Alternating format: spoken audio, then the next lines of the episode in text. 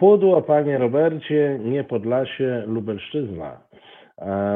Lubelszczyzna to także ta część Polski, e, która zdaniem wielu powinna być odłączona. Przyjechałem tutaj sprawdzić, e, czy powinno być tak e, na pewno, ale mówiąc zupełnie poważnie, cieszę się, że jestem z Państwem i że ta nowoczesna technika, pozwala nam e, się spotkać, mimo tego, że ja jestem na urlopie. No, nie będę tego. E... Ach, pan Marek pisze, bardzo słabo słychać, ale damy radę. No będziemy nad tym pracować. E, przy heblach siedzi Krzysztof, witamy na pokładzie. Krzysztof, możesz w tej chwili pomachać do słuchaczy. Takim zwyczajem tutejszym halo radiowym. Pan Sinsul pisze, Lubelek nadaje z domu, poniekąd, prawie że z okolic. E, z okolic e, domu. O, o, o, jest też Bary, słuchajcie, sam Bary tutaj przyszedł, no to już ten dźwięk będzie krystaliczny, jeżeli Bary już go podkręca razem z Krzysztofem. Moi drodzy, e, dzisiaj będzie poważnie. Jeżeli. E, aha, pani Bożena pisze, mam wrażenie, że redaktor lewituje pod sufitem. Nie, to jest taki stary trik, proszę pamiętać, telewizja kłamie. Tam jest po prostu za mną taki skos. E, w związku z czym to sufit lewituje nade mną, a nie ja pod sufitem. Chociaż chociaż może to możecie odnosić inne wrażenie. Mm, e, drodzy, dzisiaj w ogóle nie będę żartował. Od razu ostrzegam, jak ktoś się nastawił na to, że, że będzie śmiesznie, to na pewno nie. Nie od tego jest urlop, żeby żartować. Urlop jest od tego, żeby ciężko pracować. Jak wiadomo, każdy, kto przez chwilę był w korporacji, to o tym wie. My dzisiaj będziemy rozmawiać na E, poważne e, tematy. E, za chwilę ja dostanę sygnał, a Państwo też, czy już mamy gościa na drugim łączu, na drugim łączu w naszym radio. Gość jest poważny i temat jest poważny. Rozdział Kościoła i Państwa. My nieraz w tym programie żeśmy rozmawiali na ten temat. Rozmawialiśmy przy różnym poziomie emocji, a tu wpadła mi w rękę książka naszego gościa, Tadeusza Jacka Zielińskiego. Pokażę tę książkę korzystając z tego łącza e, wideo. E, e, profesor Zieliński napisał książkę Rozdział Kościoła i Państwa, a jest osobą mm, jak najbardziej właściwą do tego, żeby napisać właśnie taką książkę, bo jest i prawnikiem, i teologiem, i do jakiegoś stopnia e, mm, praktykiem e, legislacji swego czasu. Czy my się już słyszymy z naszym gościem, Tadeuszu? O, świetnie. Witam Cię serdecznie w Halo Radio. Dziękuję, że znalazłeś, że znalazłeś dla nas czas. Aha, przepraszam, no, sami widzicie, że to jest radio na żywo. No jeżeli ktoś oczekiwał, że e, jest to program nagrany z puszki, e, z jakiejś puszki na dalekim, głębokim e, wschodzie, no to, to sami widzicie, że nie. Tutaj, prawda, miałem jakąś kakofonię w słuchawkach, myślałem, że gość już jest. No dobra, czekamy, czekamy na połączenie z gościem ja, zanim oczywiście gość będziesz, bo on nie myślał, że ja tu ze względu na, e, na niego, to jest, proszę Państwa, ta książka to jest 160 e, parę stron, e, bardzo racjonalnego i bardzo mm, i bardzo zwięzłego, bardzo zwięzłej wypowiedzi na temat stosunków państwo-kościół, E, jakie one są, jakie były w ostatnich, e, w ostatnim trzydziestoleciu, a każdy rozdział e, kończy się takim podsumowaniem, jakie one powinny być. bez szczególnych emocji, bez takiego wchodzenia w te takie bieżące spory. Bardzo racjonalnie są wykazane i podstawy konstytucyjne, i pewne niedomagania prawa konstytucyjnego i prawa w ogóle. E, to, to z jednej strony, a z drugiej strony potrzeby, które mm, powodują, że taki rozdział by nam się przydał. To tyle spoilerowania tej książki, którą ja e, polecam, a profesor Zieliński, jak się uda nam połączyć, Pan Robert pyta, czy kolejna książka o tym, że Kościół katolicki to cwane e, lisy. Właśnie nie.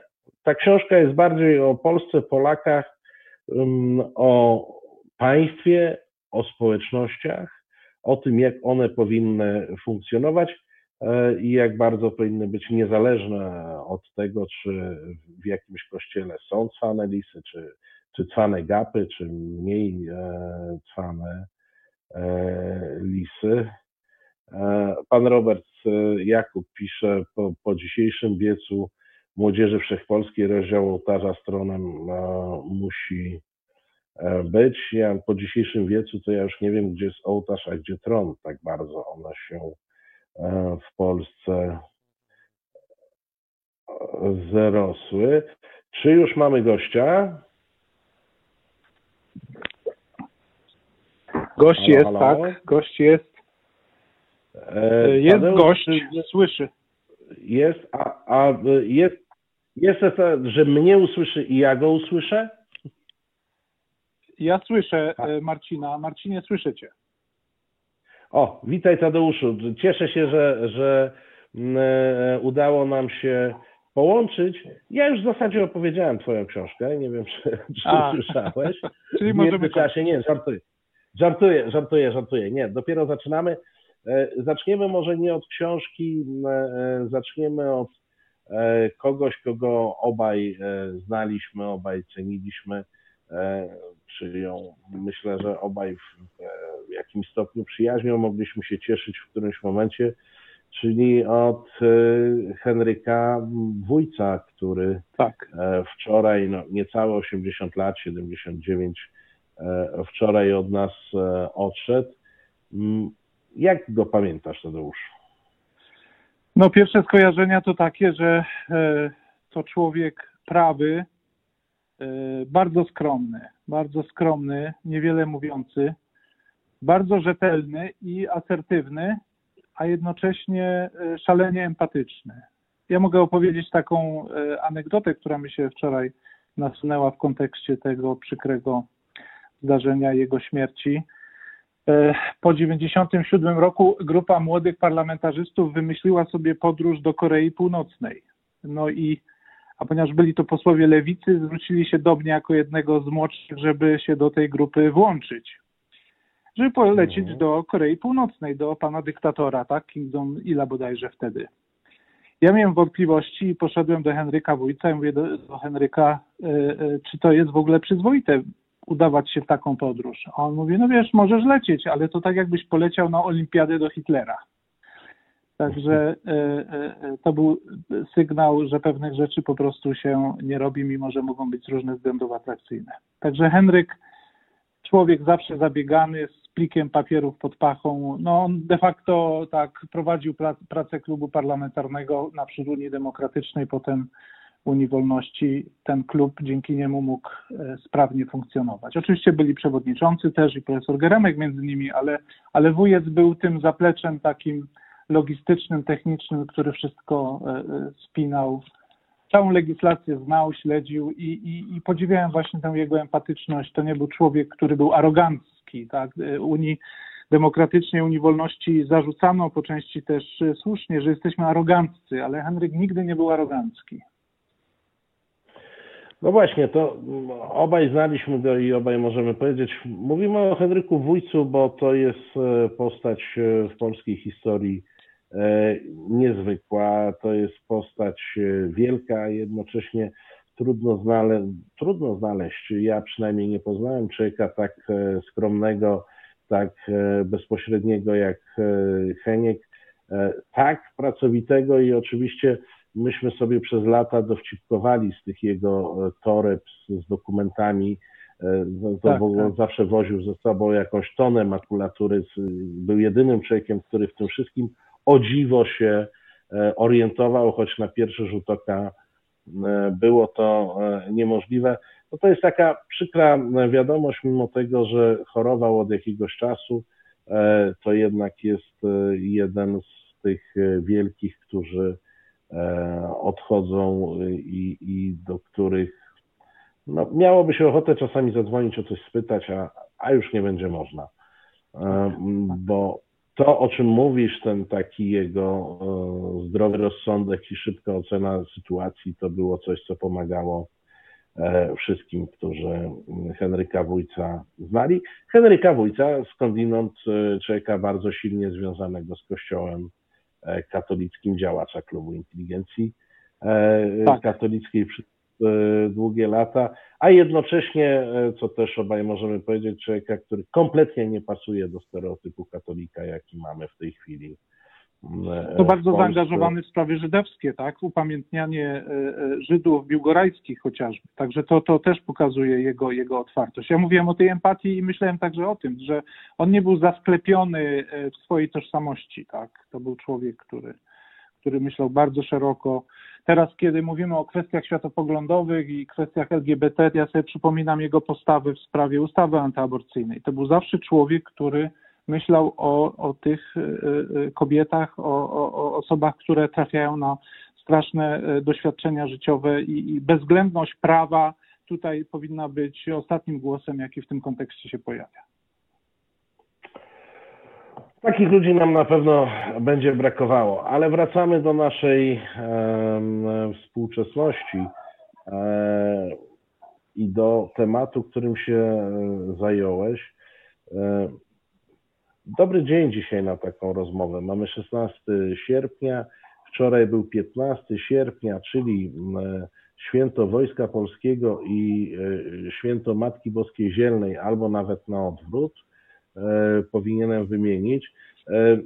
Próbowałem policzyć, ile mszy katolickich wczoraj zostało zorganizowanych z okazji święta państwowego z udziałem władz państwowych E, z takiego dosyć szybkiego liczenia wyszło mi ponad 200, ale myślę, że było ich dużo więcej. Po prostu nie byłem w stanie e, znaleźć. Wczorajszy dzień był e, pod, jest jednym z tych dni w roku, kiedy ta bardzo widoczna jest ta celebra państwowa oparta na rytuale Kościoła katolickiego i w zasadzie nieodróżnialne są te E, te obchody.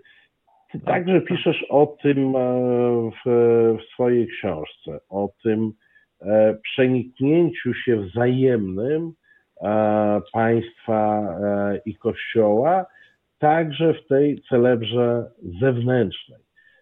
W tym, że rok szkolny musi się zacząć od mszy, 15 sierpnia, no, na, powiedzmy, że nałożenie daty E, święta państwowego i kościelnego, no ale umówmy się, że to państwowo też e, świętujemy najpierw w kościele, potem cokolwiek innego.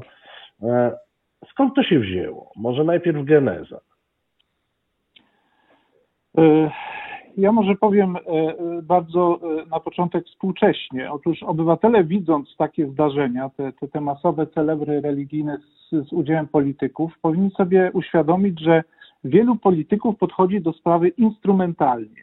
To tak naprawdę chodzi o mobilizowanie wyborców pod, pod własnym sztandarem. Tak? Religia tutaj jest instrumentem przyciągania ludzi, którzy no, nie dostrzegają tego, e, e, tego wyrachowania. Ja w, w książce, o której mówimy, stawiam taką tezę, że ten sojusz e, ołtarza i tronu w Polsce polega na wzajemnym świadczeniu sobie usług. No ostatnio widzieliśmy chyba cały rząd z panem Jarosławem Kaczyńskim na czele, chociaż w tym rządzie nie zasiada, u ojca Tadeusza Rydzyka w Toruniu, w Ogrodzie Pamięci bodajże się tak to miejsce nazywa, finansowane z, z pieniędzy podatników.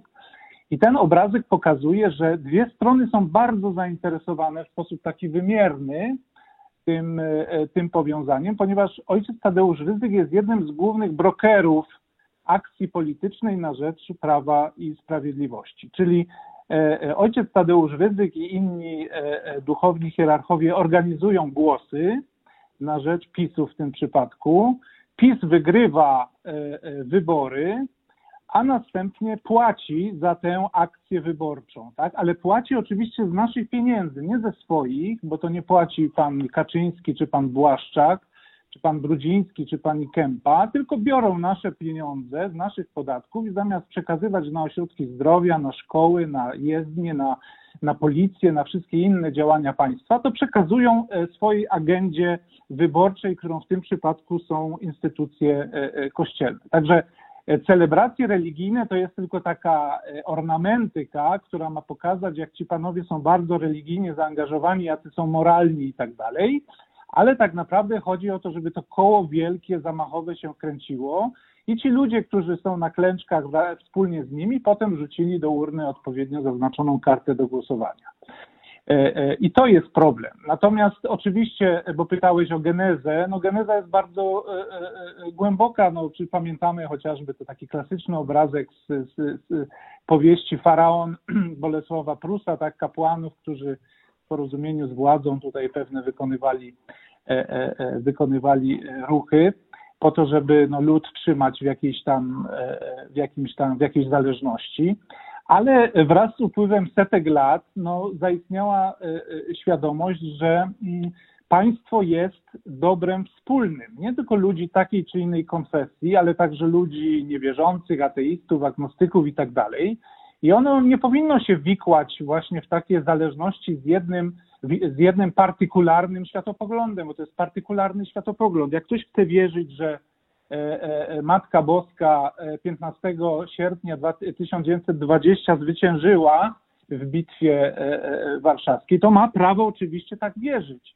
Natomiast tej narracji nie powinno powielać państwo, tym bardziej, że mamy bardzo dużo dowodów na to, że to polscy kryptolodzy odegrali tutaj, tutaj e, czołową rolę w, e, w tym zwycięstwie. Jest taka opowieść o, o generale Sikorskim, tak, który jednemu z czołowych kryptologów wręczał order Virtuti Militari i, i przypinając to oznaczenie mówi, poruczniku wiecie za co, za co to dostaliście? Za zwycięstwo, za zwycięstwo, za to, że właśnie posługując się rozumem i osiągnięciami matematyki i tak dalej, potrafili tego wroga rozłożyć. Oczywiście ktoś może sobie wierzyć, ma święte prawo, że tu jakieś siły nad, nadprzyrodzone zadziałały, no ale jeżeli ponosiliśmy klęski, to pytanie, co się z tymi siłami nadprzyrodzonymi działo, tak, wówczas. Także e, państwo nie powinno wchodzić w takie partykularne e, objaśnienia. Powinniśmy mieć republikańską, e, republikańską wykładnię spraw życia publicznego. No i ten rząd, który obserwujemy, oczywiście tego nie robi, ale zaznaczmy, że to nie jest pierwszy rząd, który się tak zachowuje, bo pewne błędy popełniliśmy w tym zakresie na początku lat 90., czyli zaniedbaliśmy troskę o republikańskość naszego państwa, tak? czyli wspólnotowość, no i laickość, no, bo taka powinna być konsekwencja tego. No, no właśnie, e, trochę w tą stronę, e, w tę stronę idę, bo w książce posiłkujesz się dosyć chętnie e, przykładami amerykańskimi, jak tam właśnie ta myśl republikańska w tym dosyć konserwatywnym społeczeństwie bardzo szybko E, oddzieliła e, wszelkie wpływy kościelne e, od polityki i od spraw państwowych. Jak szybko Sąd Najwyższy Stanów Zjednoczonych uznał, że religii nie może być w szkole. Jak Donald Trump w tej chwili próbuje anulować ustawę Lyndona Johnsona, poprawkę, tak, która. Tak, poprawkę Johnsona, tak tak, która w, wprowadziła zakaz agitacji e, tak, tak. naprawdę w, w świątyniach przez związki, popierania bądź dezawuowania kandydatów przez związki e, wyznaniowe. Donald Trump, jak piszesz, obiecał, że to zniesie, ale zdaje się, że to jest za trudne, bo to jest jeden z fundamentów tamtego republikanizmu. Tak, tak. Tam mamy Działa tak zwane głębokie państwo. Głębokie państwo się opiera. Tak. No właśnie, tam mamy szalenie konserwatywne społeczeństwo, które bardzo dobrze rozumie i nie daje sobie narzucić um, tego przemieszania e, i, i, i bardzo pilnuje dystansu e, tronu i jej e, ołtarza. Tutaj mamy, ja dążę do tego polskiego przypadku. i tej roli Kościoła, bo gdybyśmy mieli sytuację taką, że mamy w tej chwili specyficzną ekipę, która się nazywa PiS, która nam ten Kościół wszędzie wprowadza, a wcześniej na przykład zarządów lewicy czy jakichś innych było inaczej, to to by było jakieś takie proste do zrozumienia. A żyjemy w kraju, w którym w dwudziestoleciu międzywojennym umówmy się, że przynajmniej do śmierci Józefa Piłsudskiego wpływy kościelne były e, dosyć skutecznie e, dystansowane, a nawet po jego śmierci tak. i całej zadymie z pochówkiem tak. e, na Wawelu, to powiedziałbym, że stosunki państwo-kościół e, zaraz po 1935 roku były co najmniej napięte. I to chyba bardziej na noże szło niż w niektórych okresach komunizmu. Potem mieliśmy ten komunizm, który programowo od późnych, od późnych lat 40. odsuwał Kościół. Potem mieliśmy teoretycznie państwo zlaicyzowane, gdzie Kościół został zastąpiony ideologią jakąś tam komunistyczną, nie wiem jak to nazwać. Nie chciałbym wdać się tu w długą dyskusję, bo to pewnie skomplikowane, jak ją nazwać. No i wybucha nam e, Nowa Polska w 1989 roku e, i gdzie jest Republika? Tak. No, e, mówiłeś o tym przykładzie amerykańskim, ja się powołuję na przykład amerykański, też na, na inne przykłady, na niemiecki, na francuski, ale na amerykański, no bo trzeba brać wzorce najlepsze. Chociaż ten model amerykański oczywiście nie powstał z dnia na dzień i on, on, że tak powiem, z nieba nie zstąpił, tylko był efektem pewnych e, e, skomplikowanych zabiegów i, i, i porozumień ludzi różnych, różnych światopoglądów, którzy bali się właśnie dominacji jednego, jednego ujęcia światopoglądowego e, czy, czy, czy religijnego. E, e, ten system amerykański oczywiście sprawdza się, e, ale też podlega różnego rodzaju zagrożeniom i Trump jest, prezydent Trump jest, jest przykładem właśnie polityka, który by chciał to rozkręcić i pchnąć w innym kierunku. Ale no, powinniśmy po prostu brać najlepsze wzorce, przy czym też trzeba mieć świadomość, że nie ma jednego modelu idealnego, który pasowałby do wszystkich krajów, zważywszy chociażby na strukturę wyznaniową. Tak? Ameryka jest w zdecydowanym stopniu krajem, państwem, krajem tak lepiej, społeczeństwem protestanckim, tak? My z kolei jesteśmy społeczeństwem katolickim. To jest dominująca grupa, tak? Więc ten, ten model nie może być przeniesiony automatycznie i wprost, ale tutaj powinniśmy mieć przynajmniej jakiś e, e punkt odniesienia. To, co się stało w Polsce po 1989 roku, to oczywiście był eksperyment, nie mogło być inaczej, ale no, obawiam się, że, znaczy żywię takie przekonanie, jestem przekonany, że popełniliśmy pewne błędy, E, bo tak naprawdę przecież e, e, te przemiany po 1989 roku, które kojarzymy z nazwiskiem chociażby Tadeusza Mazowieckiego, jednak w dużym stopniu były kształtowane przez osoby związane z Kościołem katolickim i one miały bardzo wysokie mniemanie o swoim kościele i liczyły na to, że to będzie odpowiedzialny, spolegliwy partner. I tak naprawdę, no, wydaje mi się, że zrezygnowano w dużym stopniu z budowania etosu właśnie republikańskiego, na rzecz wypełniania tych treści publicznych elementami e, e, religijnymi, katolickimi. I wprowadzenie nauki religii do szkół e, no jednak sprawiło, że cały proces edukacyjny no, przebiegał inaczej niż gdyby tego elementu nie było. Także podpisanie konkordatu, tak, po jednej i po drugiej stronie polscy katolicy. No to są właśnie te, te zdarzenia, które mają konsekwencje po dziś dzień. Czy dało się inaczej? Nie wiem, nie wiem. E, na Ale pewno co, bo, inna bo, była bardzo trudna do realizacji, tak. Bo e, e, rozmawiałeś z Tadeuszem Mazowieckim, ja też miałem okazję rozmawiać i prywatnie i robić z nim e, wywiad na ten temat. I o ile jeszcze można zrozumieć, że w 89 roku, w 90 E, Tadeusz Mazowiecki, Henryk Samsonowicz, e, którzy wtedy padli do tego, e, do, do powrotu religii do szkół. To też trzeba, ja zawsze przypominam, że ten powrót religii do szkół był na zupełnie innych zasadach. Państwo tego nie finansowało, to było tak naprawdę użyczenie sal. Ale o ile wtedy można było mieć nadzieję, teoretycznie przynajmniej mówię, tak jak mi tłumaczył Tadeusz Mazowiecki, że Kościół katolicki jest instytucją, która jest zdolna do pewnego samoograniczenia, mm, w tej ekspansji. O tyle nie wiem, no chyba od 91, 92, a 3, 93 roku to na pewno nie można było liczyć na samo ograniczenie Kościoła i w tym momencie w żaden sposób nie nastąpiła państwowa reakcja, wręcz przeciwnie. Proces e, zintegrowania Kościoła z systemem edukacji, e, proces zintegrowania Kościoła ze służbą zdrowia, e, proces zintegrowania Kościoła z policją, wojskiem, bardzo znakomicie to opisujesz w książce, te, te związki, on się pogłębiał przez te wszystkie lata. Myśmy szli w zupełnie innym kierunku niż wskazywałaby logika interesu państwa. No tak, oczywiście można e, e, i należy to w, w, ten sposób oceniać. Pytanie tylko, czy istniały siły polityczne, które były w stanie się przeciwstawić tej tendencji. Pamiętajmy, że w pewnym momencie do władzy powróciły ugrupowania postkomunistyczne, które też były e, no, obciążone pewnymi kompleksami i nie decydowały się na jakąś działania konfrontacyjne w stosunku do Kościoła. Kościoła katolickiego.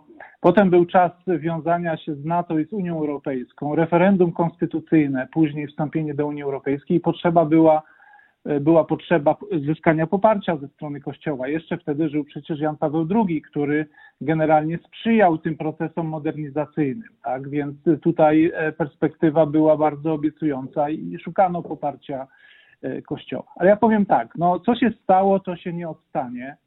Teraz trzeba mieć, e, e, że tak powiem, świeży rozum i, i, i nowe pomysły w tym zakresie. Tym bardziej, że to uwikłanie Kościoła katolickiego e, w politykę w chwili obecnej będzie miało dalekosiężne skutki dla sytuacji światopoglądowej w Polsce. Myślę, że będziemy mieć do czynienia z dużym odpływem wiernych.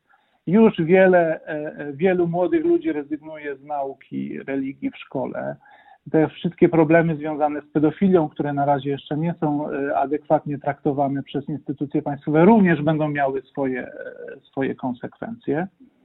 W związku z tym, myślę, pojawi się zupełnie nowy pejzaż, jeśli idzie o, o, o taki klimat światopoglądowy w Polsce. E, no na to należy liczyć i wówczas należy podjąć próbę redefinicji formalnych stosunków z Kościołem katolickim. W jaki sposób to zrobić?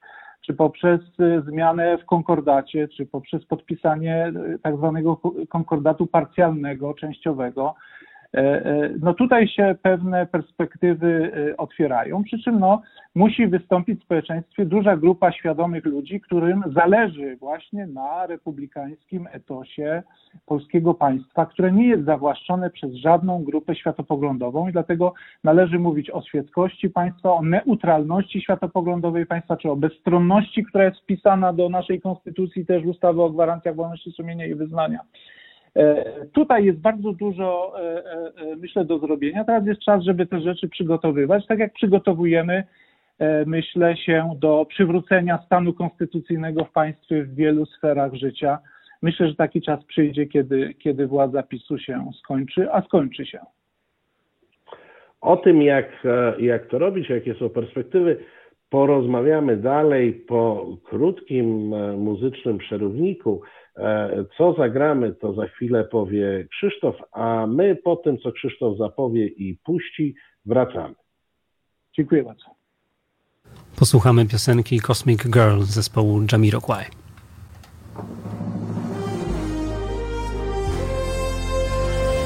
W środę. Poranny program poprowadzi dla Państwa nieśpieszny filozof Kornel Wawrzyniak. Poranne aktualności i Państwa komentarze w Halo Poranku od 7 do 10.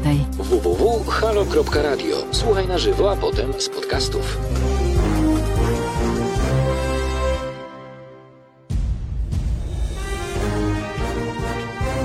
Halo Radio. Po co nam Halo Radio? Gdyby przez ostatnich 30 lat większość mediów nie układała się z politykami, to nie bylibyśmy potrzebni. Już dawno temu media zapomniały, że powinny być dla ludzi, a nie po to, żeby wspierać konkretnych polityków. W Halo Radiu wierzymy w etos pracy dziennikarza oraz w to, że media nie mogą opowiadać się za jakąkolwiek partią ani politykiem, ani schlebiać waszym prywatnym politycznym sympatiom. Jesteśmy od tego, żeby patrzeć politykom na ręce. Każde odpowiedzialne medium powinno mówić o politykach wyłącznie wtedy, gdy sprzeniewierzają się zasadom współżycia społecznego, prawom obywatelskim czy demokracji. Jeśli polityk pracuje dobrze, to nie mówimy o nim, bo przecież robi dokładnie to, czego od niego oczekujemy, za co mu płacimy. Nie mówi się wszak o wizycie w warsztacie, gdy auto jest sprawne. Nieprawdaż? Media muszą być krytyczne wobec wszystkiego i wszystkich. Taka powinna być ich rola. Drodzy Państwo, nie oczekujcie od nas, że będziemy przychylni Waszym politycznym wyborom. Będziemy natomiast mozolnie szukać dziury w całym. Po 30 latach polityczno-medialnego bagna to właśnie chcemy robić i robimy. I dlatego prosimy Was o stałe wspieranie naszej działalności www.halo.radio ukośnik SOS. Dziękujemy i życzymy dobrego odbioru Halo Radia, pierwszego medium obywatelskiego dla myślących i krytycznych Polaków. To jest powtórka programu. Halo Radio, wracamy przy mikrofonie, a w zasadzie przy komputerze Marcin Celiński, a z nami nasz gość, profesor Tadeusz Jacek Zieliński. Słyszymy się? Tak jest, słyszymy się. Witam ponownie. Świetnie. Czyli wróciliśmy e, szczęśliwie po tej dyskotece. Ja w ogóle nie wiem, kto dzisiaj układał playlistę, że ja muszę słuchać e, dyskoteki, no ale ustalę to e, po programie. Zanim przejdziemy do tych, do tych dróg wyjścia, to w Twojej książce przewija się cały czas taki wątek dezintegrującej roli mm, Kościoła e, dla państwa. E, I w zasadzie w każdej kolejnej dziedzinie, którą opisujesz, wskazujesz takie, takie tak. elementy od stygmatyzacji w szkołach, przez właśnie wspólne imprezy, opisujesz taką znakomitą akcję z okazji świętego Krzysztofa Policji i i księży, gdzie w zasadzie nie wiadomo, czy to księża kontrolowali kierowców, czy policjanci i, i, i tak. co robili. Idziesz przez, przez wiele dziedzin. Powiedz, bo mnie to interesuje też od, od strony takiej e, skali społecznej. Po to, żeby budować taką masę krytyczną do zmian, e, musiałaby powstać e, większość, czy, czy bardzo znacząca grupa ludzi w Polsce, która uznałaby E, rzeczy, które opisujesz, za niewłaściwe. Ja mam wrażenie, że żyjemy w Polsce, w której pewna opresja i przymus religijny w szkołach, e, e, to formowanie wyznawcy w ramach szkoły, ten ksiądz w Radzie Pedagogicznej jest uznawany za coś pozytywnego. Ten, ten kapelan, czy tam ksiądz, który grozi palcem przekręcającemu szybkość zamiast mandatu daje tam jakiś medalik, czy inne precjozum, czy, czy tam obrazek ze świętym Krzysztofem jest odbierany wręcz e, sympatycznie, a na to wszystko jeszcze nakłada się argument, w którym ty też dyskutujesz w książce, ale argument najczęstszy, z którym ja się spotykałem e, w trakcie bojów o świecką szkołę, że 90% Polaków to katolicy płacą podatki i wymagają. Gdzie budować, e, jak zbudować tą grupę, która zauważy, że to szkodzi państwu, że to jest ta dezintegrująca rola? No tak, trzeba tutaj uściślić, że e, w książce piszę o dezintegrującej roli religii, a nie dezintegrującej roli Kościoła. Czyli no tak. E, biorę pod uwagę wszystkie formy religijne, wszystkie możliwe kościoły, wszystkie możliwe związki wyznaniowe. Także moja książka nie jest skierowana przeciwko Kościołowi katolickiemu, który powinien się cieszyć oczywiście pełną wolnością e, religijną w każdym miejscu na świecie, ale jest skierowana przeciwko instrumentalnemu wprowadzeniu religii do przestrzeni mm, państwowej. E, I to jest, to, jest bardzo, to jest bardzo istotna różnica. Dlaczego religia odgrywa taką rolę? Ponieważ jest ona pewną formą świadomości, która się powołuje na najwyższe dla człowieka sankcje, czyli Boga, bogów, e, sakrum, a zarazem nie poddaje się bardzo często krytycznej ocenie. I e, nie ma e, między ludźmi porozumienia w tym zakresie, bo każda religia jest inna, nawet w ramach jednego związku wyznaniowego ludzie się różnią między sobą, stąd nie można zaprowadzić jednej idealnej religii i jej, i jej egzekwować. Stąd się wziął rozdział Kościoła i państwa na świecie, oddalo, od, oddzielono te kwestie, oddalono kwestię religijną z, z obszaru funkcjonowania państwa, pozostawiając ją wspólnotom religijnym, ludziom, którym e, e, na tym zależy. Tak. E, no i to jest, to jest rzecz najistotniejsza. Myśmy popełnili właśnie ten błąd, nie dostrzegając tego elementu dezintegrującego, a łatwo go zobaczyć na przykład właśnie na gruncie szkolnym, gdzie część dzieci oczywiście uczestniczy, bo rodzice sobie życzą, ale te dzieci, które nie uczestniczą, od razu są identyfikowane, że są inne, stygmatyzowane, usuwane na korytarze czy do, czy do e, e, bibliotek szkolnych, do świetlic. Tak? To samo jest e, w wojsku, to samo jest w policji. Od razu się wyczuwa, że to jest inny. A to jest niepotrzebna dezintegracja. My jako społeczeństwo potrzebujemy jedności w ramach tego, co jest dla nas wspólne. Jedne społeczeństwa wcześniej to dostrzegły, inne później. My pod tym względem jesteśmy bezwzględnie zapóźnieni. Poza tym w Polsce myślę na skutek też tego, że nie przeżyliśmy takiego przyzwoitego oświecenia w XVIII wieku, e, to e, właśnie kwestie religijne no nie są przedmiotem intelektualnej, dogłębnej e, deliberacji. Tak? I, I to powoduje przeróżne problemy. Można powiedzieć, że mamy do czynienia z jakimś takim religijnym uwiedzeniem całego społeczeństwa, tak? irracjonalnością bardzo szeroko zakrojoną i rzadko spotykaną w innych, w innych państwach, które przeżyły właśnie właśnie e, e, oświecenie. No i teraz pytanie, jak, jak, e, jak sobie z tym radzić, jak z tego wyjść? No myślę, że, że właśnie pewne prze, przerysowania w tym zakresie, pewne złe tendencje, no, ludzi jednak bulwersują. Tak? To, że młodzież jednak rezygnuje w, bardzo dużym stopniu z, z, nauki religii, zwłaszcza na etapie licealnym, no to właśnie świadczy o tym, o tym rozczarowaniu. Dalej, E, bardzo często autorytety religijne no nie są takie doskonałe, jak nam się e, przedstawiają, o czym świadczą właśnie różnego rodzaju problemy, e, o których w prasie jest teraz bardzo dużo. Więc państwo powinno powiedzieć, oczywiście nie chcemy na nikogo napadać, nie chcemy nikogo sekować, nie chcemy nikogo dyskryminować, działajcie sobie, ale nie w obszarze funkcjonowania E, e, organów publicznych. Tak? Można się teraz zastanawiać, jak daleko ten rozdział powinien przebiegać w każdym państwie e, inaczej. Na przykład no, kapelani powinni być w armii, bo tam jest obostrzony rygor prawda, dostępu, to samo w więzieniach, to samo w szpitalach, ale dlaczego kapelani mają być w policji? Tak? Dlaczego mamy opłacać panów? A w urzędzie skarbowym? Niewiele, albo tym bardziej w urzędzie skarbowym. Tak. E, argument 90% katolików no też nie jest najlepszy, ponieważ to nie 90% chodzi do kościoła. I jakby zrobić, robi się takie badanie i pytać katolików, jaki mają pogląd na in vitro, jaki mają pogląd na aborcję, jaki mają stosunek dla osób, do osób nieheteroseksualnych, no to rozdziew między doktryną oficjalną a tym, co ludzie myślą, też jest bardzo duży, więc argument procentowy nie jest takim argumentem e, najlepszym. Ale oczywiście może też dojść do tego, że to sami katolicy bardzo mocno będą mówić, że no przesadziliśmy z tym ureligijnieniem państwa, no proszę się troszeczkę, troszeczkę e, e, posunąć, przesunąć.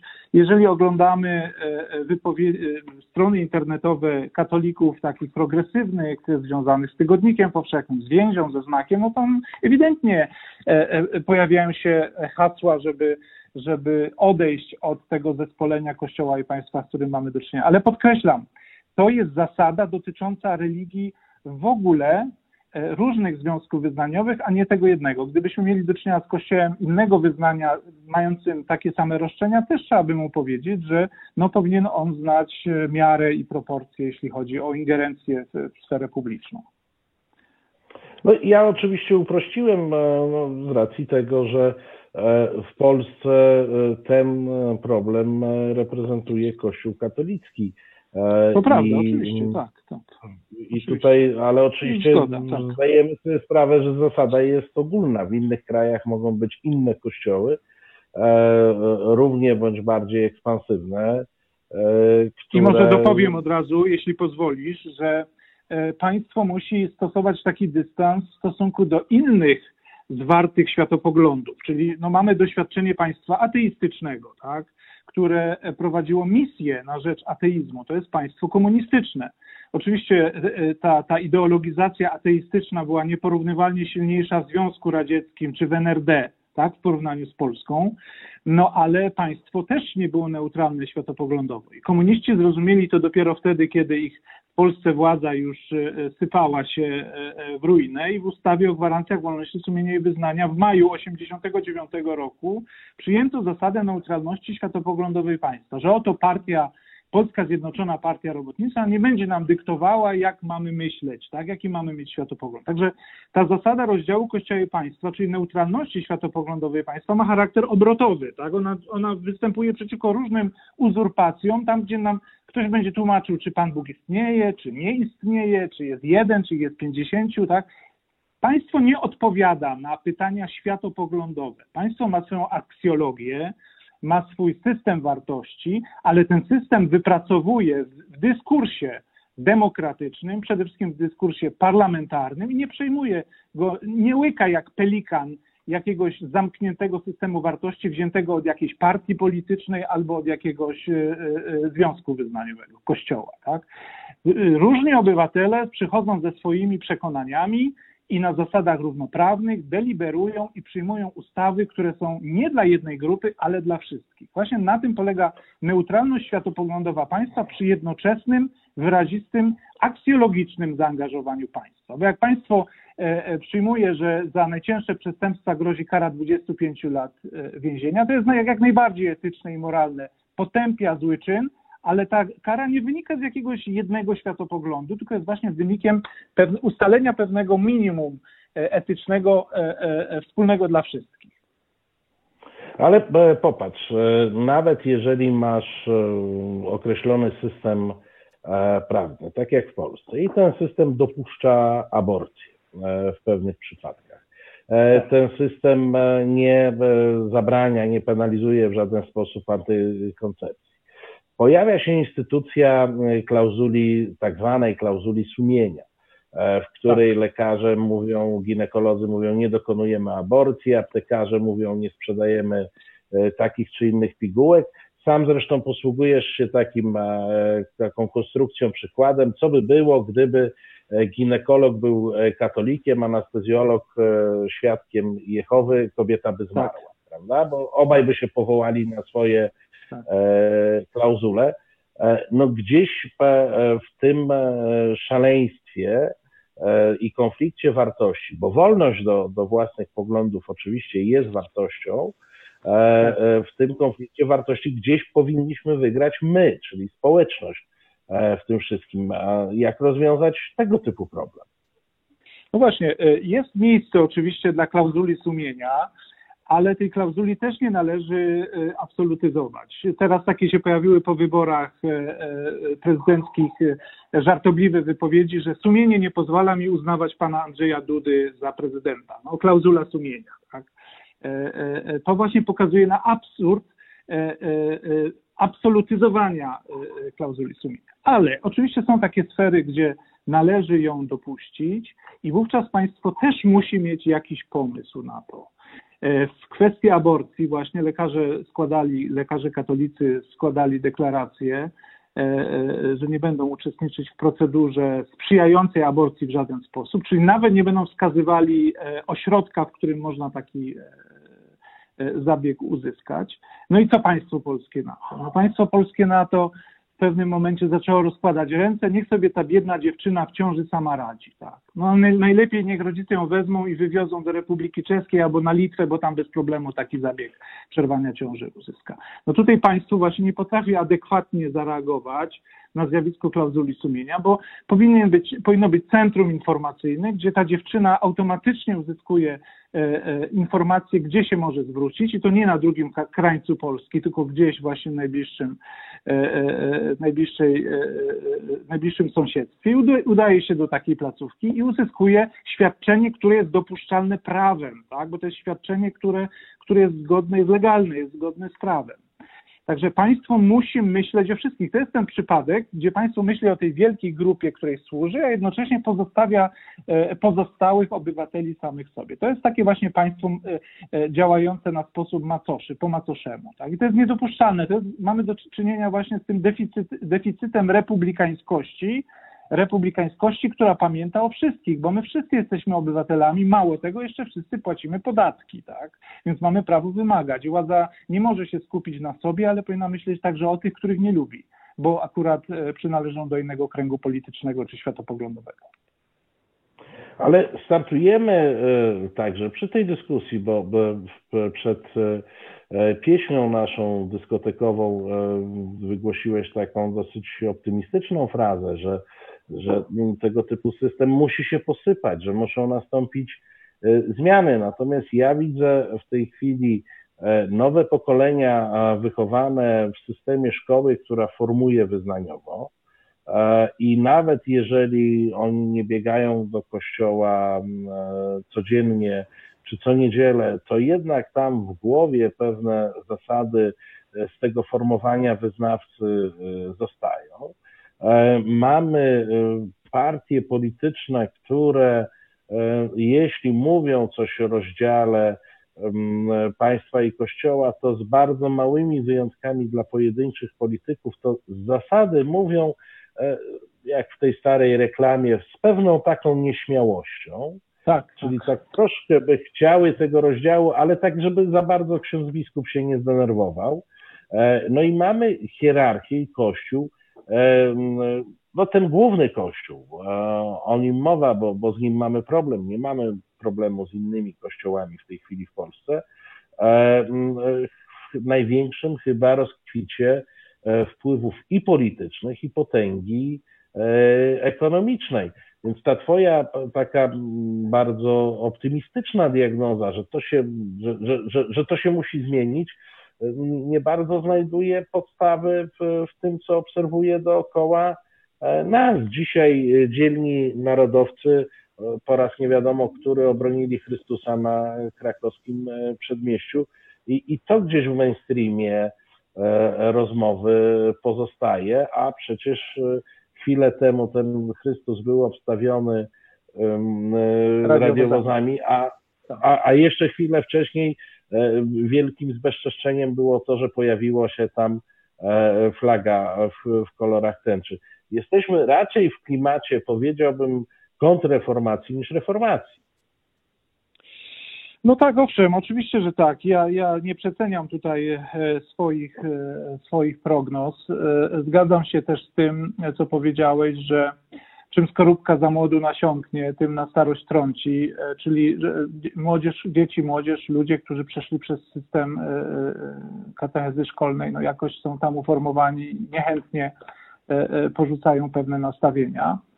Ale ja widzę też tendencję właśnie inną, że jest mnóstwo młodych ludzi, bardzo szeroko patrzących, którzy potrafią przepracować te treści, które uzyskali właśnie e, na gruncie religijnym, że patrzą krytycznie. E, e, myślę, że ta tendencja się będzie wzmagała. Nie ma systemów sztywnych, opresyjnych, które nie spotykają się z, z, oporem. No to, co się dzieje teraz na Białorusi, oczywiście sytuacja jest nieporównywalna między Polską a, a Białorusią, jak najbardziej, ale mówię o procesie o, o tym bakcylu wolności, który jednak jest w każdym e, człowieku i w każdym społeczeństwie. U jednych, u jednych się ujawnia, u innych nie, u jednych wcześniej, u innych później, ale ja wierzę, że Polacy jednak nie, nie są w stanie unieść tej takiej właśnie poprawności konserwatywnej w takiej skali, w jakiej ona jest nam narzucana i to w sposób taki bezwzględny też, też naiwny e, i prymitywny. E, tak, ta propaganda rządowa jest, jest, jest prymitywna, jest infantylna bardzo często. E, społeczeństwo polskie ma też coraz silniejsze doświadczenie międzynarodowe, międzykulturowe, spotkania z ludźmi innych języków, innego pochodzenia, innego koloru skóry, innego stylu życia i że to wszystko będzie działało i będzie prowadziło do równowagi. My, my jesteśmy w stanie braku równowagi właśnie. My jesteśmy właśnie w takiej sferze, bym powiedział, no tak socjolodzy mówią, czy psycholodzy religii, o histerii religijnej, która się może społeczeństwom e, udzielać. Tak? Może to jest przerysowane, nie chcę też tego przeceniać, ale coś jest na rzeczy, że my nie potrafimy w sposób zrównoważony podchodzić też do, do religii w życiu, w życiu e, e publicznym.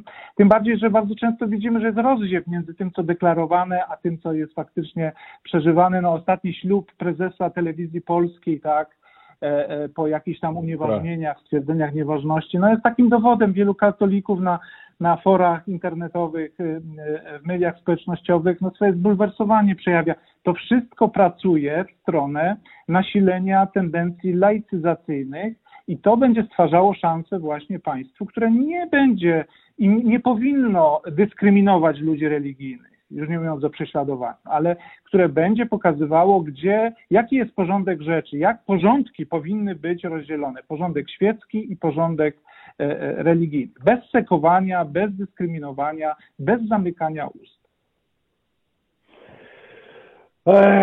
To jest e, pewnie dobra puenta naszej rozmowy. I ja Państwu jeszcze raz polecam, pokazuję tu do kamery książkę naszego gościa Tadeusza Zielińskiego. E, ona się nazywa dokładnie tak, jak, jej, e, jak, jak z jej treści wynika rozdział Kościoła i Państwa, punkt po punkcie kolejne sfery rozpracowane, wykazane, a także pewne E, pewne recepty na naprawę tej sytuacji. Gdybyśmy mieli e, wprowadzać w Polsce republikę i rozdzielać mm, państwo i kościół, to myślę, że e, ta książka jest gotowym takim, taką checklistą, mówiąc, jak w NASA. Każdy kolejny rozdział byśmy sobie odfajkowywali po kolei, żeby ten proces E, przeprowadzić. Ja Ci bardzo dziękuję za dzisiejszą wizytę. E, bardzo dziękuję. Bardzo e, dziękuję. Życzę miłej, życzę miłej reszty niedzieli i mam nadzieję, że jeszcze niejednokrotnie także na tej antenie porozmawiamy. Dziękuję bardzo, pozdrawiam Państwa i pozdrawiam Ciebie Marcinie. Wszystkiego dobrego. Kłaniam się, do zobaczenia, do usłyszenia. Do zobaczenia, do usłyszenia. Proszę Państwa, a my w tej chwili, oczywiście jest e, godzina ósma, to Krzysztof nam znowu powie, co zagra. Krzysztof, proszę, tylko nie disco. Dobrze, nie będzie disco, będzie Bob Dylan i piosenka Hurricane. Okej, okay. no to e, lecimy Hurricane'em, a po przerwie wracamy.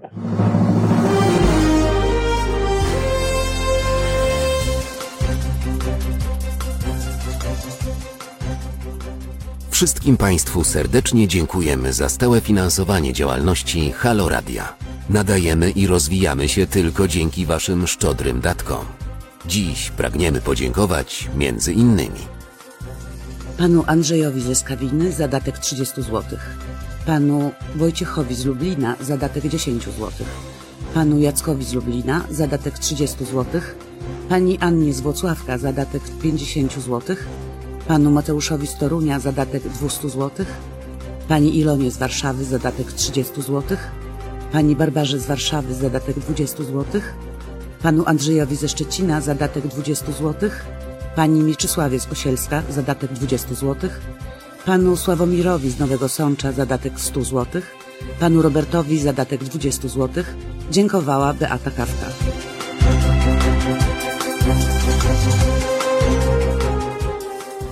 Wszystkim Państwu raz jeszcze dziękujemy i prosimy, nie zapominajcie o swoim obywatelskim Halo Radio. Jedynym medium, które wypełnia dziś ideę radia prawdziwie publicznego. To jest powtórka programu. Wróciliśmy, to znowu ja, Marcin Cyliński, dzisiaj e, wschodnio-Polak z Centrum e, Polski Pisowskiej. Blisko mam do Kulu, to, to można powiedzieć nawet, że e, jestem tuż, tuż obok mojego ulubionego posła Czarnka, bo nie wiem czy wiecie, ale poseł Czarnek gwiazda PiS. Przez chwilę tam schowany do szafy Macierewicza w kampanii, ale już wrócił. To jest y, jak najbardziej z najbardziej polskiego z polskich miast, czyli z Lublina, z najbardziej katolickiego z katolickich uniwersytetów, czyli z Kulu. Nawet wojewodą lubelskim był przez chwilę, więc ja tutaj wdarłem się podstępnie i po tych okolicach buszuję, ale spotkania z Państwem oczywiście odmówić sobie nie mogłem. No i przechodzimy do tego ubiegłego tygodnia. Ubiegłego tygodnia dosyć e, smutnego. Tydzień się e, kończył oczywiście e, rocznicą tegoż znakomitego zdarzenia, kiedy zdaniem polskich władz i rządzącej większości, większości Matka Boska pokonała Rosjan pod Warszawą w 1920 roku. E, no i co można komentować? No, tego się nie da e, skomentować, choć może do tego wrócimy, ale teraz e, mam dla Państwa pewną opowieść. Opowieść jest taka. Otóż władze mm, represjonują głośnego aktywistę, który stał się symbolem buntu, to było w Moskwie, to było w 2013 roku.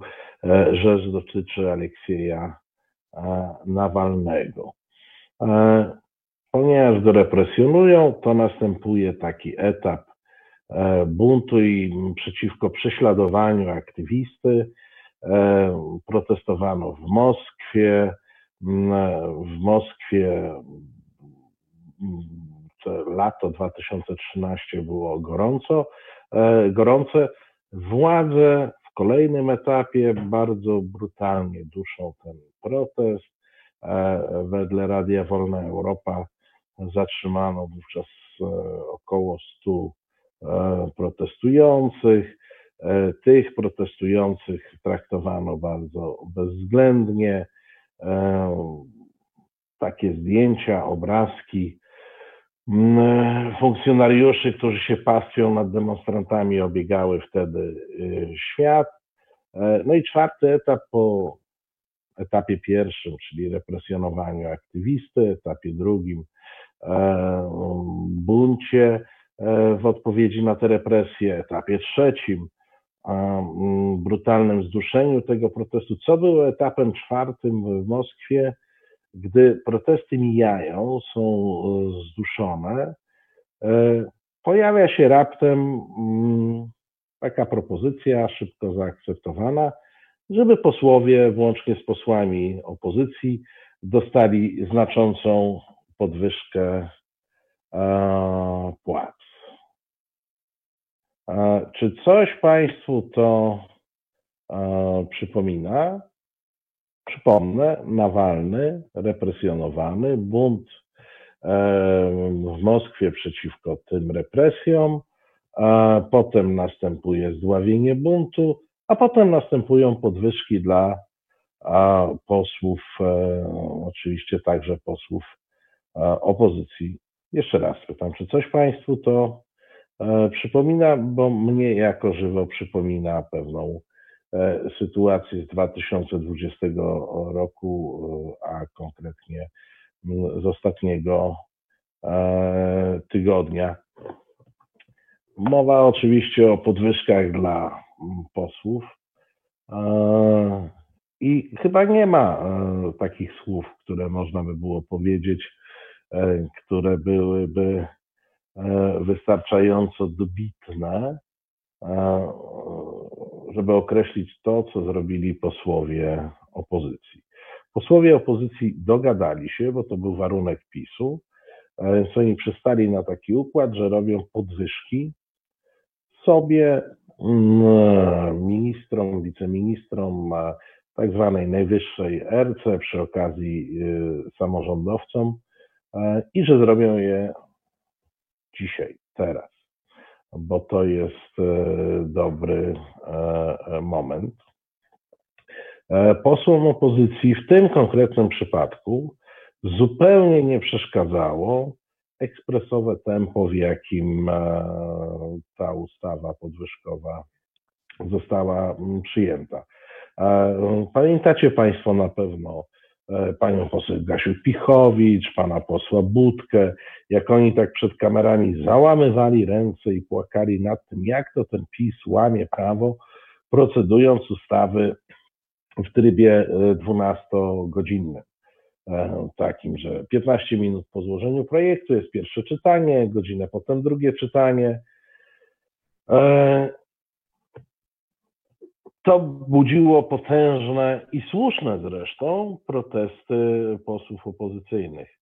Raptem okazuje się, że w przypadku tej ustawy, która, co warto podkreślić, nie tylko zwiększa uposażenia posłów, ministrów itd., tak ale jednocześnie znacząco zwiększa e, dotacje dla partii politycznych.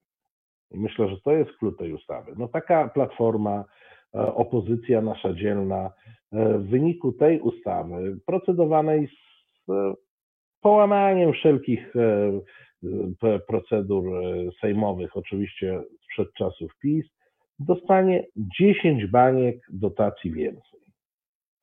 No to powiedzcie, jak to nazwać? Pani Bo Bożena pisze, sufit przebiła Barbara Nowacka, wyceniając możliwość kupienia posła za dwa tysiące nisko się cenią. Pani Bożeno, ale co się stało? Oni się dali kupić za niecałe 4 tysiące.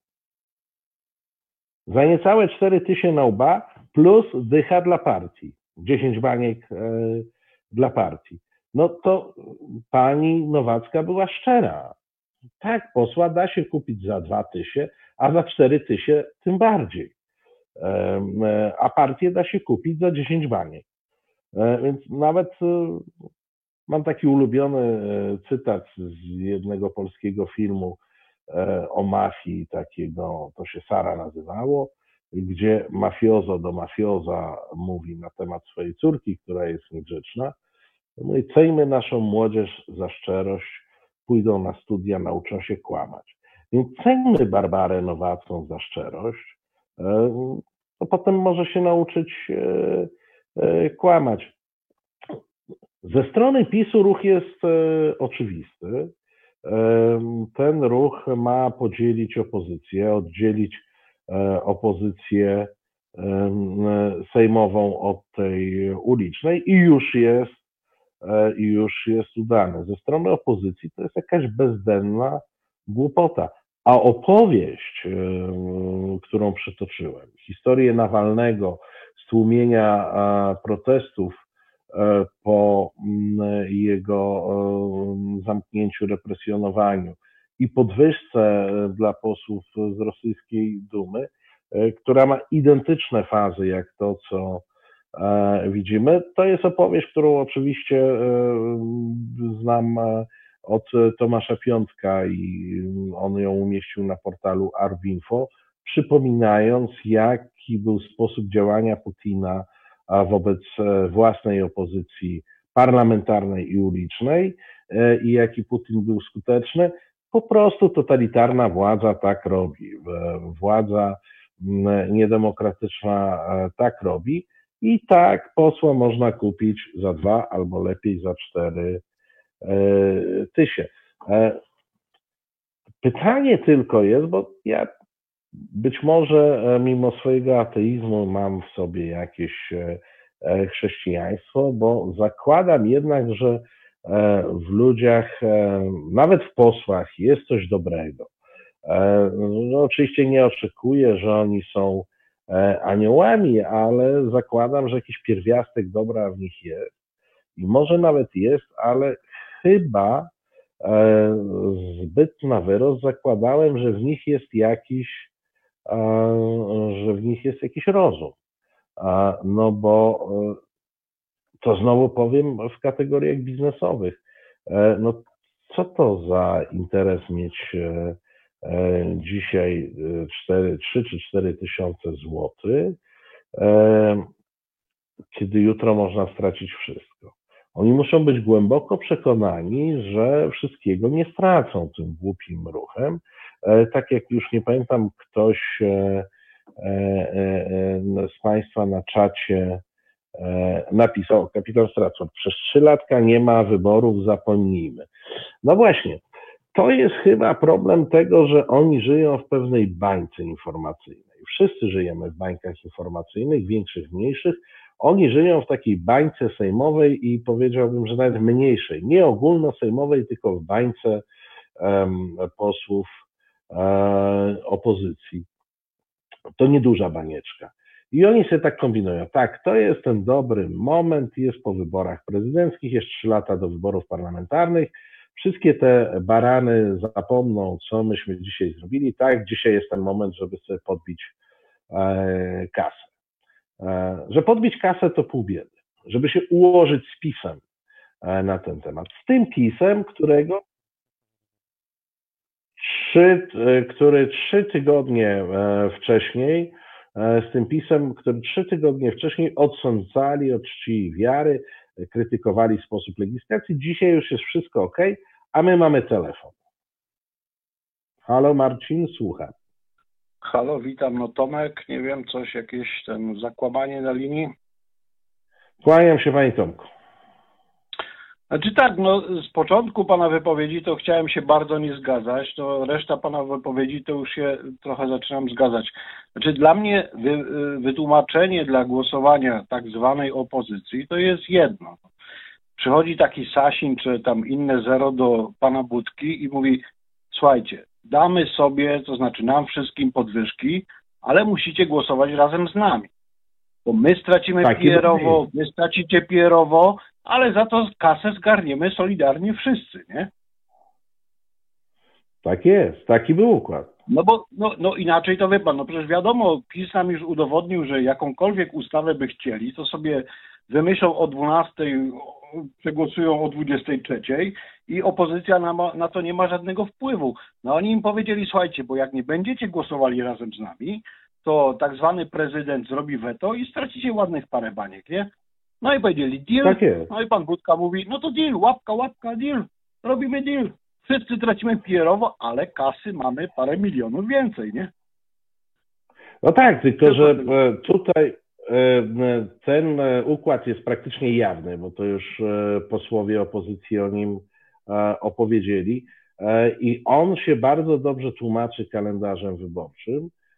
Problem polega na tym, że poza Sejmem ludzie wiedzą, że mamy e, kryzys gospodarczy, że mamy 8 punktów procentowych PKB w plecy, że mamy pierwszy raz od 20 lat recesję, czyli spadek e, gospodarczy i to chyba nie jest najlepszy moment, żeby dać się kupić. Ja już mówię cynicznie i bardzo racjonalnie. Jeżeli wchodzi się w takie deale, jeżeli chce się sprzedać, to fajnie jest jeszcze wymyśleć moment, w którym można to na przykład uzasadnić kwitnącą gospodarką. Tutaj zdaje się, no, że już no. E, pa, panu Budce ta myśl przez. Może on po prostu nie wie, e, że jest pandemia, że mieliśmy przez trzy miesiące zamknięte wiele działów gospodarki, że mamy spadek e, produktu krajowego brutto i że na jesieni może być druga fala pandemii E, i znowu możemy mieć zamkniętą część e, gospodarki, a ludzie po prostu w tej chwili boją się o swoje jutro, e, żyją w jakimś lęku. Być może te najgorsze oczekiwania się nie spełnią, ale ludzie się boją, a oni mówią: Dobra, słuchajcie, no jest pandemia, jest tu wprawdzie niefajnie, ale my tu sobie 10 baniek na partię weźmiemy. Dokładnie tak. No, z tym się zgadzam w 100%. Dzięki Panie Tomku, kłaniam się. E, Kłaniam się. Słuchajcie Państwo, mnie przeraża bezmyślność i głupota. E, a jak słucham tłumaczeń posłów, co głosowali y, za tym, e,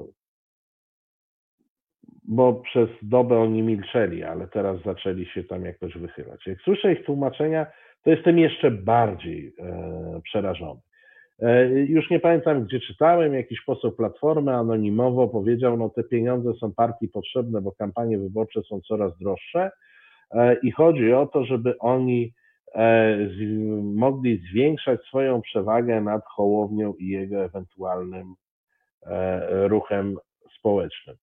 No, powiem wam tak, ja nie jestem sympatykiem Platformy w tym kształcie, Hołowni w tym kształcie i tak dalej, raczej jestem mm, e, zdystansowany, ale myślę, że oni właśnie w tej chwili dali potężne paliwo Hołowni do budowy ruchu y, społecznego, czy w ogóle do, do budowy ruchu społecznego i te 10 baniek niech oni sobie w buty włożą, bo im naprawdę mogą nie pomóc. Te 10 baniek, więcej na partię, pewnie im zaszkodzą. Mówię tu o, o Platformie, bo tam to proporcjonalnie jakoś idzie. Lewica do, dostała chyba tam 6 milionów więcej, czy 5,5. PSL e, dostał 3,5 miliona, Konfederacja chyba też coś koło tego. E, więc wszyscy tych pieniędzy dostaną, wszystkie partie dostaną tych pieniędzy więcej. To jest, e, jakie są efekty tego wszystkiego? Po pierwsze, PiS to tutaj za bardzo niczym nie ryzykował, bo oni już, pamiętacie, kiedy Beata Krzydło krzyczała, że im się te pieniądze E, e, należały, oni przećwiczyli, że ich wyborcy łykną to. E, oni sobie, oni sobie przeżyją te podwyżki i jeszcze nam wytłumaczą, że to jest dobrze. A, a tym, że wyborcy opozycji się wściekną na swoje partie, to przecież nikt w PiSie się nie będzie przejmował. Kapitan Sarko pyta, jak głosowała Konfederacja. No jedyna, znaczy ja Państwu powiem tak, pewien słuch społeczny e, wykazała ku mojemu, no nie, nie powiem ubolewaniu, bo dobrze, że ktokolwiek, no ale formacja, której jak wiecie za bardzo nie cenię. No, Konfederacja jedyna e, rozumie, że to nie jest moment na taki ruch. I oni wszyscy obecni zagłosowali e, przeciwko. E, przeciwko e, zagłosowała, zagłosowało kilku posłów lewicy, przede wszystkim z razem. Przeciwko zagłosowało kilku posłów, dziewięciu chyba posłów Koalicji Obywatelskiej, przede wszystkim Zieloni, czy, czy ludzie tacy jak poseł Sterczewski, czyli, czyli niezwiązani bezpośrednio z partią. No, słuchajcie, ręce opadają. Ręce opadają nie dlatego, że oni wzięli te pieniądze, tylko dlatego, że są tak głupi, że w tak głupi sposób dają się wrobić, bo jakie mamy efekty? Efekt jest taki, że opozycja uliczna no, musi się oddalać od opozycji parlamentarnej. Opozycja parlamentarna dała się wciągnąć w rolę tłustego misia, takiego samego tłustego misia jak PiS e, i ich wiarygodność bo to o wiarygodność chodzi. Bo to o wiarygodność chodzi, nie o pieniądze. E, I wiarygodność spada do zera. I przeciętny czytelnik gazet, internetu dostaje dzisiaj informację, rząd czeski obniżył sobie uposażenia, bo kryzys. Rząd w Nowej Zelandii obniżył sobie uposażenia, bo kryzys. Na całym świecie słychać, że rządy wykonują gesty solidarnościowe bo też powiedzmy sobie to e, w tej chwili, to nie są jakieś wielkie pieniądze w skali budżetu 40-milionowego kraju, te 10 milionów. Nie rzecz w tych pieniądzach. Rzecz w tym, czy ci parlamentarzyści, czy ci rządzący e, mają poczucie, że Polacy walczą w tej chwili o swoje biznesy, że w korporacjach ciągle latają jakieś plotki o redukcjach zatrudnienia, że ludzie e, dostają, e, że ludzie dostają propozycje obniżki wynagrodzeń i na nie się godzą, bo chcą utrzymać pracę, że są całe sektory, sektor kultury, sektor turystyki, które od marca w zasadzie nie zarabiają i żyją z dnia na dzień na jakichś, na jakichś grosikach, no trzeba mieć jakąkolwiek łączność z rzeczywistością, żeby to wiedzieć. I ten sam, rząd jednego dnia daje komunikat, kochana budżetówka, płace będą zamrożone, bo mamy kryzys, nie będzie żadnych podwyżek dla pracowników budżetówki, a drugiego dnia mówi, dobra, premier 100% podwyżki, każdemu posłowi po 4 tysiące, a poza tym jeszcze partiom e, dolejemy tutaj temu 15 baniek, temu 10, temu 5, E, no bo już kryzysu nie ma. Jak mówimy o naszej kasie, to kryzysu nie ma. Mamy telefon. E, halo Radio, słucham. Dzień dobry, dzień dobry. Kłaniam się. Robert, ja sobie, że tak powiem, słucham radyjka z daleka, a, a tak wsłuchuję się, że powiem, już przez telefon, zresztą nic się nie zmienia, przez radio pana słuchać tak samo pięknie. E, I tak. Cieszę się, że, że nam się udało. No, dobrze, że w ogóle. I tak sobie myślę, że e, w części się z panem nie zgadzam, a, a w części się zgadzam. To może najpierw nie zgadzam. W, ty, w ostatniej Ja. minucie powiedział pan, że, że ludzie tam dostali obniżki i tak dalej, że y, godzą się na, mimo że płacą podatki, godzą się na takie dziadostwo, y, godzą się na to, na tamto. Dobra, wiem. Zaraz wyjdzie na to, że jestem wielkim szczęściarzem. Ja po prostu y, w odpowiednim momencie z Polski wyjechałem i nawet mi tutaj dobrze, bo, bo jest perspektywa na, na zwiększenie dochodów, y, nie ma żadnego zagrożenia, to ja wybieram oferty, jestem bardzo potrzebny, ale okazuje się, że jak rozmawiam z ludźmi, którzy mówią nie tylko w języku niemieckim, ale również po polsku, którzy wyjeżdżali 20, 40, 80 lat temu, to się nic nie zmienia.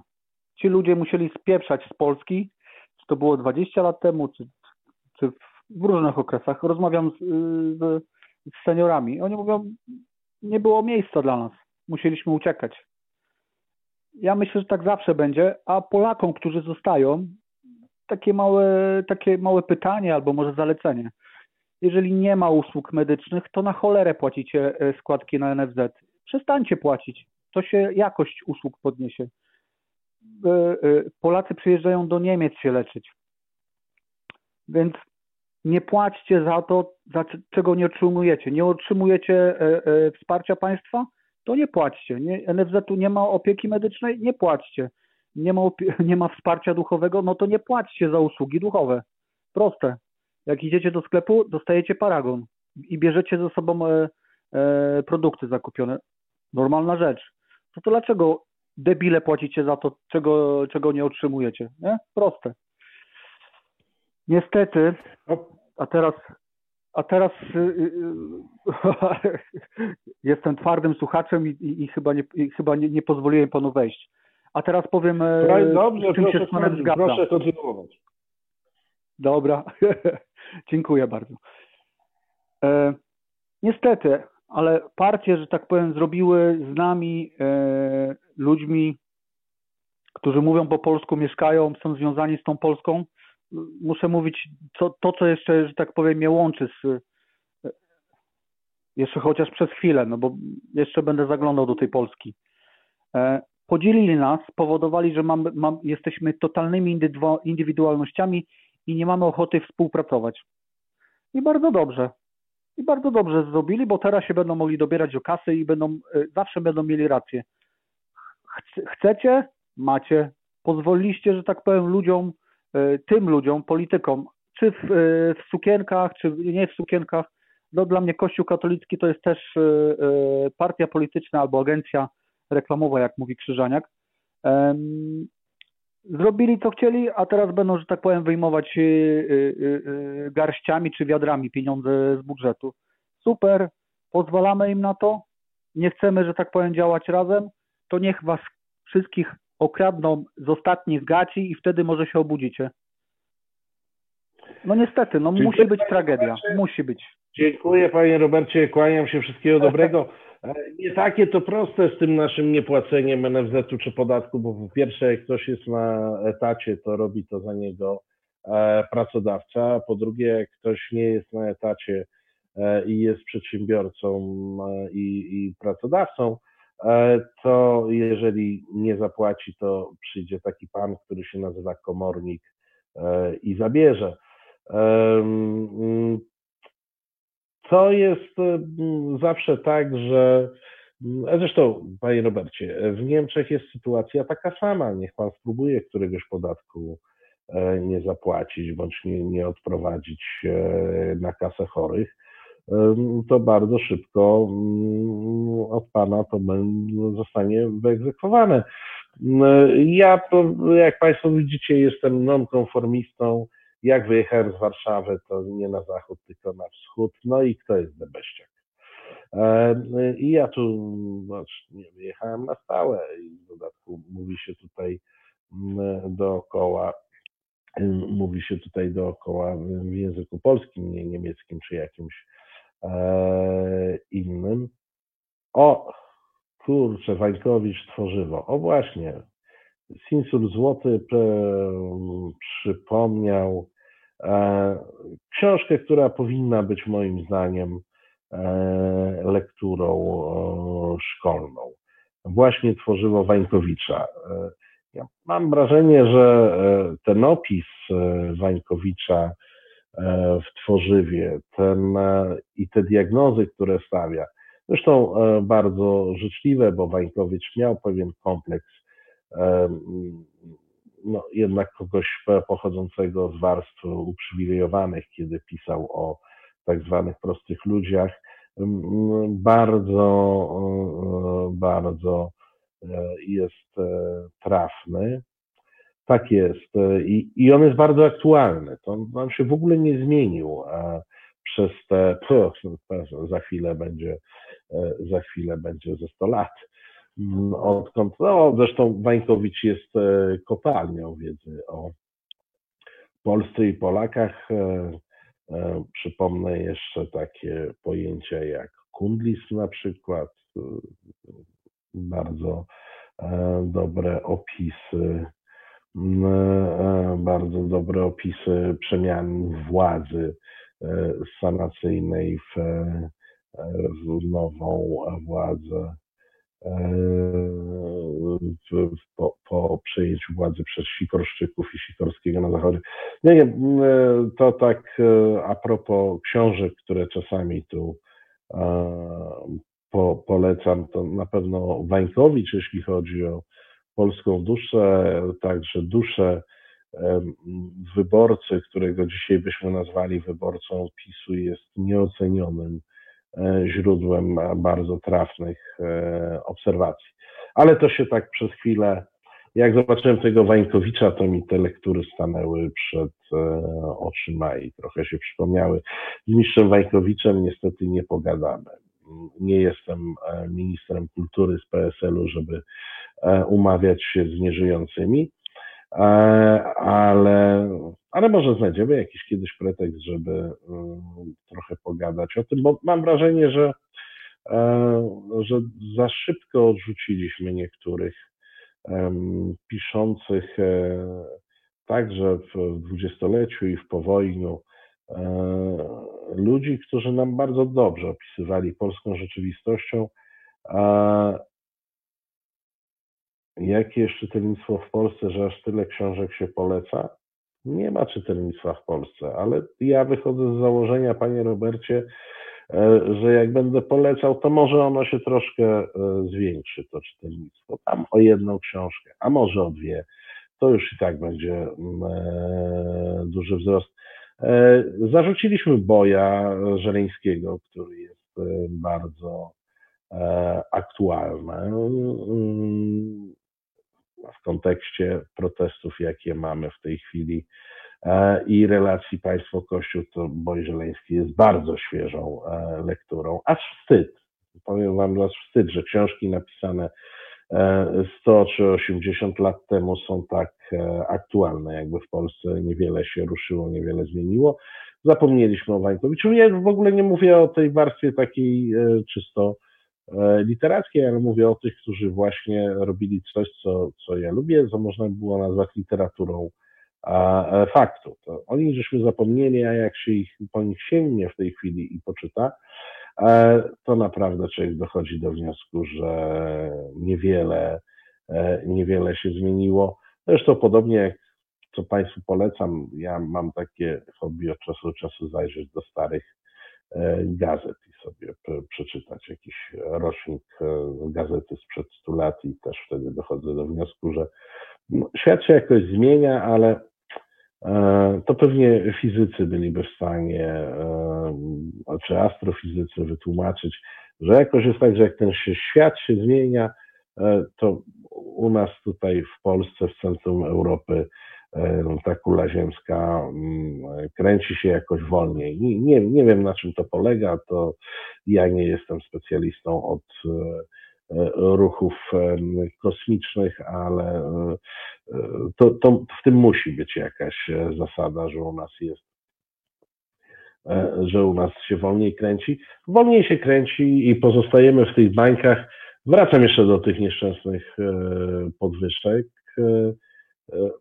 naprawdę nie wiem, czy to, co zrobiła opozycja i to gremialnie zrobiła, tutaj już wyłomy były tylko pojedynczych e, posłów, e, czy to jest jakiś efekt, co, coś, co, czego ja od lat podejrzewam, że tam pod tym Sejmem jest jakaś żyła wodna z bardzo silnym promieniowaniem, która e, zmienia umysły w sposób o, pan Fisul powiedział, świetne pióro miał Makruszyński, został pisarzem jednej książki. Tak, nie czytajcie niczego Makruszyńskiego dla dzieci, czytajcie to, co napisał e, dla e, dorosłych. E, rewelacyjna, rewelacyjna proza i opowiadania, i powieści dla dorosłych. Jeszcze raz powiem, odrzucamy wszystko, co dla dzieci, co zapewne znamy, a, a nie znamy tego, co pisał dla dorosłych. Ale jestem cały czas przy tych, no, gdzieś tam na tej wiejskiej jest coś, co rozum odbiera, a może tam po prostu krąży postać z jakichś takich horrorów, zjadacz mózgów czy coś e, w tym stylu. Ja nie jestem w stanie zrozumieć e, głupoty. Nie jestem w stanie zrozumieć tej bezmyślności. Nie jestem w stanie zrozumieć e, tego, że nikt z tych 150 e, tęgich głów, a przynajmniej za takie się mają, e, nie wpadł na pomysł, że może to nie jest stosowny moment, że może to nie jest ta chwila, bo też Państwo, którzy słuchają tej audycji, wiecie o tym. Ja uważam, że władza publiczna jest w Polsce za marnie opłacana. Tylko, że jak słyszę teraz argument, że podniesiemy te pensje, e, żeby zatrudnić w rządzie fachowców, to ja, proszę Państwa, tak czekam, aż ta ustawa wejdzie w życie i razem z Państwem będę odliczał tych fachowców z rynku, którzy będą wchodzić do rządu Mateusza Morawieckiego na funkcję ministrów czy e, e, wiceministrów. O tutaj te wszystkie palce mam przygotowane, a nawet specjalny zeszyt sobie założę którym będę kreski stawiał. Jak Państwo obstawiacie, ilu tych fachowców po podwyżkach zasili rząd e, e, Morawieckiego? E, obawiam się, że nie będę miał dużo roboty w tym stawianiu kresek. A ktoś mnie chce przekonać, że wiceminister pokroju Kowalskiego czy panowie kakao zasługują na podwyżki, to przepraszam, daremny jego trud może spędzić na tym e, długie godziny e, i mnie nie przepka. A, pan Sinsul pisze, orgofale pod Sejmem się kumulują. Nie wiem. Nie, nie, nie wiem. Kurczę, może to i orgofale. Naprawdę, a może tam, słuchajcie, już wiem, tam do Sejmu trzeba wpuścić egzorcystów. Oni powinni e, przeprowadzić egzorcyzmy nad każdym sposób. Zobaczylibyśmy, czy to by E, pomogło. Przetężność Magwyspa, pan Magwyspa pisze, zdecydowanie przetężność Orgopola wzrosła na wiejskiej. Ja, ja bym tam naprawdę wszystkich egzorcystów wpuścił, pogadam z Konradem Szołajskim, bo on egzorcystów zna, może tam trzeba nad posłami, szczególnie opozycji, odprawić jakieś egzorcyzmy, takie te szczególnie dotkliwe. Słuchajcie Państwo, ja muszę kończyć właśnie ze względu na Konrada Szołajskiego, E, zachęcam, żebyście e, zostali, bo dzisiaj u Konrada goście specjalni. E, wielu z nas ich zna, podziwia i widziała niejednokrotnie, a dzisiaj będą gośćmi Halo Radio u Konrada. Uwaga, proszę Państwa, lotna brygada opozycji wybiera się do E, Halo Radio, e, więc zachęcam, żebyście ich e, zobaczyli. Zresztą to nie wiem, czy to nie jest pierwszy raz, kiedy oni występują w medium publicznie, a nie po prostu na własnym nakręconym filmiku, więc jest okazja. Dobra, e, ja będę kombinował, Pani Bożeno, ma Pani rację, te egzorcyzmy z Salcesonem spróbujemy, choć Konrad tam mi opowiadał o jakichś takich bardziej dotkliwych, ale to może, e, może to nie powinna być zemsta, tylko e, naprawa. Proszę Państwa, jak powiedziałem, dzisiaj będzie dosyć, dzisiaj było dosyć poważnie i e, poważnie kończę. Życzę Państwu miłej dalszej części wieczoru, dobrej nocy, jeżeli ktoś się tak, e, e, takie ma plany. My się słyszymy i mam nadzieję widzimy za tydzień. Dziękuję Państwu bardzo za dzisiaj. Wszystkiego dobrego i mimo tego, co nam się stało w ubiegłym tygodniu z posłami i mimo tego, że Matka Boska wygrała bitwę, którą myśmy wygrali, trzymajmy się.